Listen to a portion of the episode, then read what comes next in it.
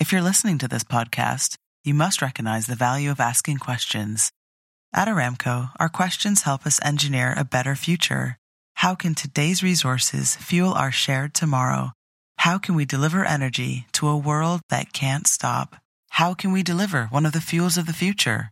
How can we sow curiosity to harvest ingenuity?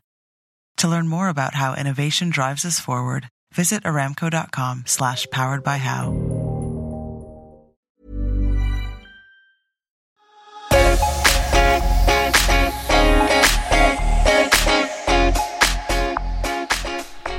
Hei, og hjertelig velkommen til Stoffskiftepodden. Denne podkasten er for deg som har hashimotos eller lavt stoffskifte, og har lyst til å lære mer om hva du kan gjøre med kosthold og livsstil for å få en bedre hverdag. Da var vi kommet til episode 16 av Stoffskiftepodden Bli ekspert på egen sykdom. Og grunnen til at jeg vil lage denne episoden til deg, det er det at det altfor mange av oss eh, skjer det samme med at eh, du går til legen, blir tatt blodprøver av, får beskjed om at du har lavt stoffskifte, får med deg en boks eh, Levaksin eller annen stoffskiftemedisin hjem, får beskjed om å ta den, og komme, komme, tilbake om noen eh, måneder og sjekke prøvene på ny for å se om du må justere medisinen din. Og det som jeg savner her, da, det er jo det at det, veldig, veldig sjeldent så får du hjelp hos legen til å finne ut av årsaken til at du har fått lavt stoffskifte. For det er jo en grunn til at du har fått lavt stoffskifte. I de aller, aller fleste tilfeller så er lavt stoffskifte noe du utvikler og i løpet av, av livet. I få tilfeller så er det òg eh, medfødt, men for de aller fleste så er det noe som du har utvikla av en eller annen grunn. Så du hører jo på Stoffskiftepodden, hvilket vil si at du sannsynligvis allerede er interessert i å bli ekspert på egen sykdom. Så i denne episoden så skal jeg fortelle deg hvordan du kan bli ekspert på egen sykdom, og på den måten få det bedre. For ingen av oss er like. Vi har alle endt opp der vi er i dag, av forskjellige årsaker, og du er den som kan ta ansvar for å hjelpe deg aller, aller best. Så først, hva kan du egentlig forvente hos fastlegen? Hva kan du forvente når du er der? Jeg vil bare si det at eh, fastlegene Jeg misunner ingen fastleger. Jeg ville aldri vært fastlege. De har mange, mange pasienter. De har utrolig lite tid per pasient. Altså, vi snakker 10-15, maks 20 minutter per pasient. Og de skal kunne litt om alt. Stoffskiftet er stort, det er komplekst. Fastlegene har, har ikke tid til å sette seg inn i alt det der. De, ikke, de får heller ikke tid å ha en, en, 60 minutter lang time med deg for å sette seg ned og faktisk finne ut av hvorfor du har endt opp der du er. Det er Systemet er lagt opp, lagt opp sånn at det er, det er, inn og det er ut i løpet av veldig få minutter. Så du kan ikke forvente at fastlegen din skal kunne alt om lavt stoffskifte. Det er no way at fastleger har muligheten, selv om de kanskje ønsker det så det er no way, sånn som systemet er lagt opp, at de har muligheten til å kunne alt om absolutt alle sykdommer. Derfor så må du ta ansvar for å sette deg inn i lavt stoffskifte. OK? Les bøker, les blogger, hør på podcaster, sånn som du gjør allerede nå.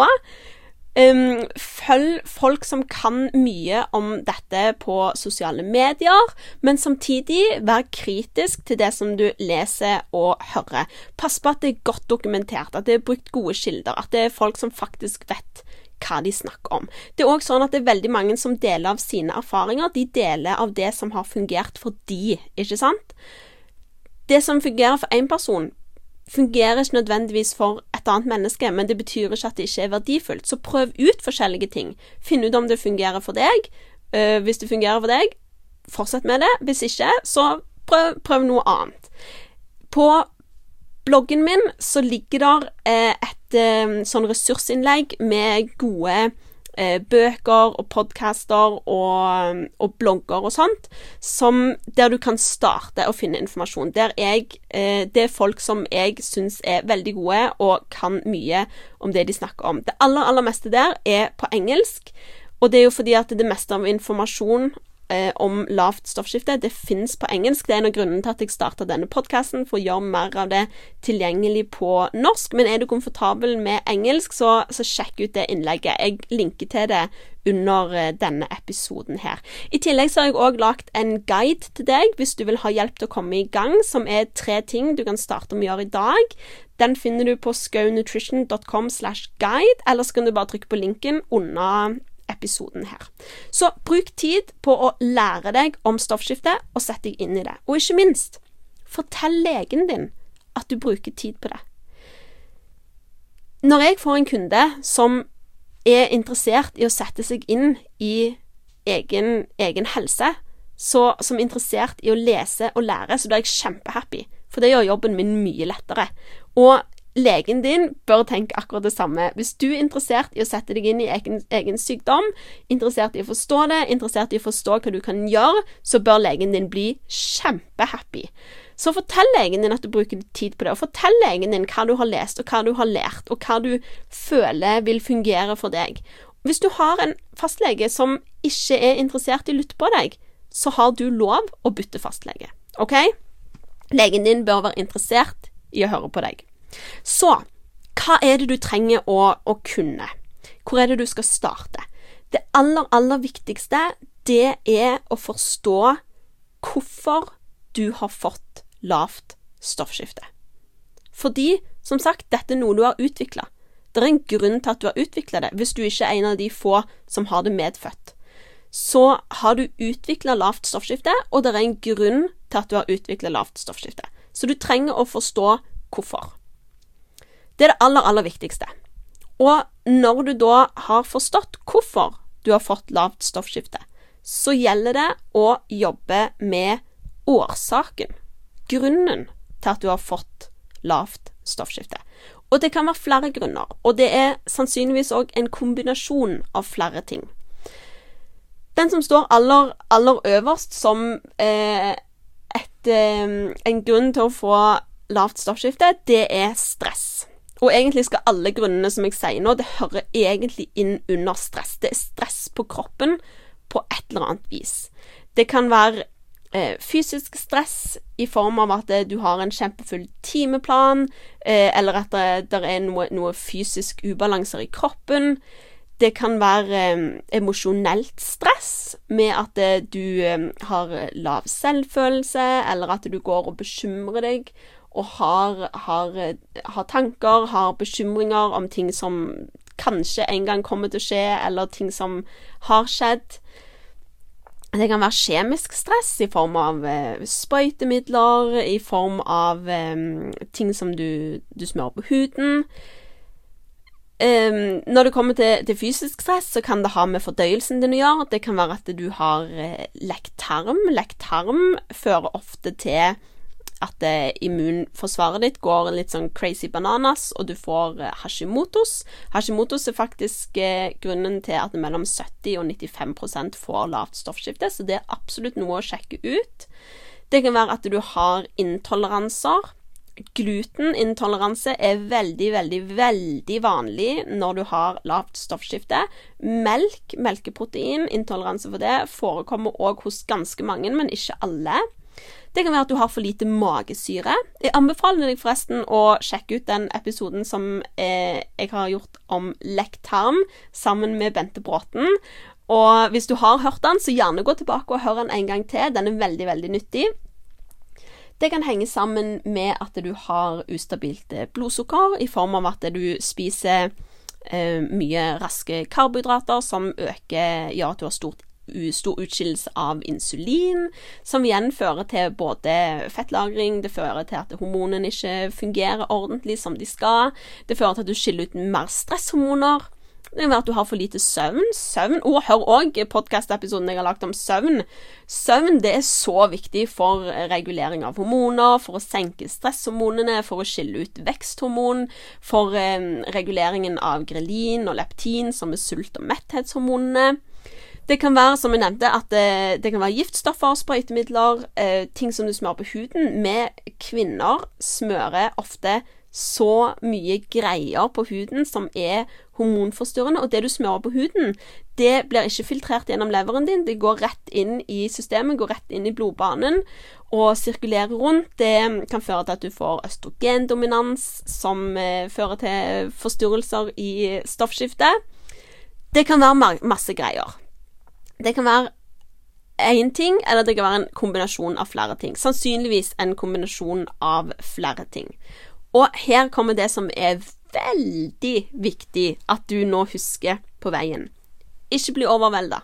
Ikke tenk 'Å nei, herlighet, alt dette her gjelder meg'. Alt dette her gjelder meg. What to do? Ta et steg om gangen. OK? Ett eneste steg om gangen. Du har hatt hele livet på å komme dit du er i dag, og du har hele livet til å finne tilbake igjen til en god helse. OK? Gjør ett steg om gangen. Tenk det, hvis du gjør én liten ting hver dag i 365 dager, så kan du være Helsen din kan være totalt forandra om et år. OK? De aller fleste de overvurderer det som de får gjort i løpet av en dag, og undervurderer det som de får gjort i løpet av et år. Så ikke tenk at du må gjøre alt på en gang. Ta ett steg om gangen. Og istedenfor å tenke 'Å nei, det har jeg gjort, det burde jeg ikke ha gjort, det burde jeg ikke ha gjort', det burde jeg ikke ha gjort, vær heller nysgjerrig på reisen. Du kan ikke gjøre noen ting med det som har skjedd. Ingenting kan du gjøre med det som har skjedd, men du kan gjøre noe med det som skal skje. OK? Så bli nysgjerrig på reisen din. Prøv ut ting. Se, funker det der for meg? Nei. OK, da lærte jeg at det ikke funka for meg. Jeg prøver noe annet. Funker dette? Yes, det funker. Det fortsetter jeg med. OK? Ta et steg om gangen, og vær nysgjerrig på reising. Nyt reisen. Ny, finn noe positivt i hver eneste dag. OK? Det gjør livet så mye kjekkere å finne noe positivt i livet hver dag, istedenfor å tenke at alt kommer til å bli så mye bedre når. OK? Så dette var mine tips på hvordan du kan bli din egen ekspert det er det aller, aller viktigste steget å ta på veien. Sett deg inn i det, forstå hvorfor du har fått lavt stoffskifte, og begynn å gjøre noe med årsaken til at du fikk lavt stoffskifte. Som alltid, jeg blir så glad hvis du legger igjen eh, noen stjerner og kommenterer på denne episoden. Ta gjerne en screenshot av at du lytter på episoden, og del på Instagram Stories. Tagg meg at Skau Nutrition, sånn at jeg kan eh, komme og si takk til deg. Da, hvis du gjør dette her, så hjelper du meg å nå ut til flere mennesker som trenger å bli ekspert på egen sykdom. Ønsker deg en nydelig tirsdag, en nydelig uke, og så snakkes vi neste tirsdag.